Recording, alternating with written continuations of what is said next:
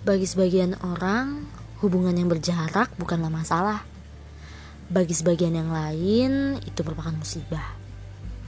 Bagi segelintir orang, itu adalah kebebasan. Namun bagi segelintir yang lain, itu adalah tekanan. Setiap orang punya rasa hubungannya masing-masing. Ada yang semakin kuat dan erat, ada pula yang luntur dan hancur.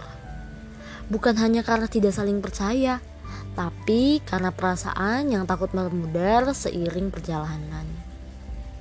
Jika jarak adalah masalah, ingin bertahan adalah sebuah keharusan. Keadaan bimbang dan terombang-ambing harus segera musnah. Tapi bagaimana caranya hilangkan perasaan? Jika menyentuh membuatmu bahagia, lantas apa yang harus kau sentuh? Layar smartphonemu tak akan pernah cukup Waktu yang tersisa hanya tersia-sia berkat balasan yang hanya kau butuh. Dia tidak masalah dengan ini semua. Berarti ini adalah masalahmu sendiri. Pikirkan sendiri saja bagaimana kau harus mengakhiri. Mengakhiri hubunganmu atau mengakhiri perasaan terberatmu. Karena setiap orang bertanggung jawab atas dirinya sendiri.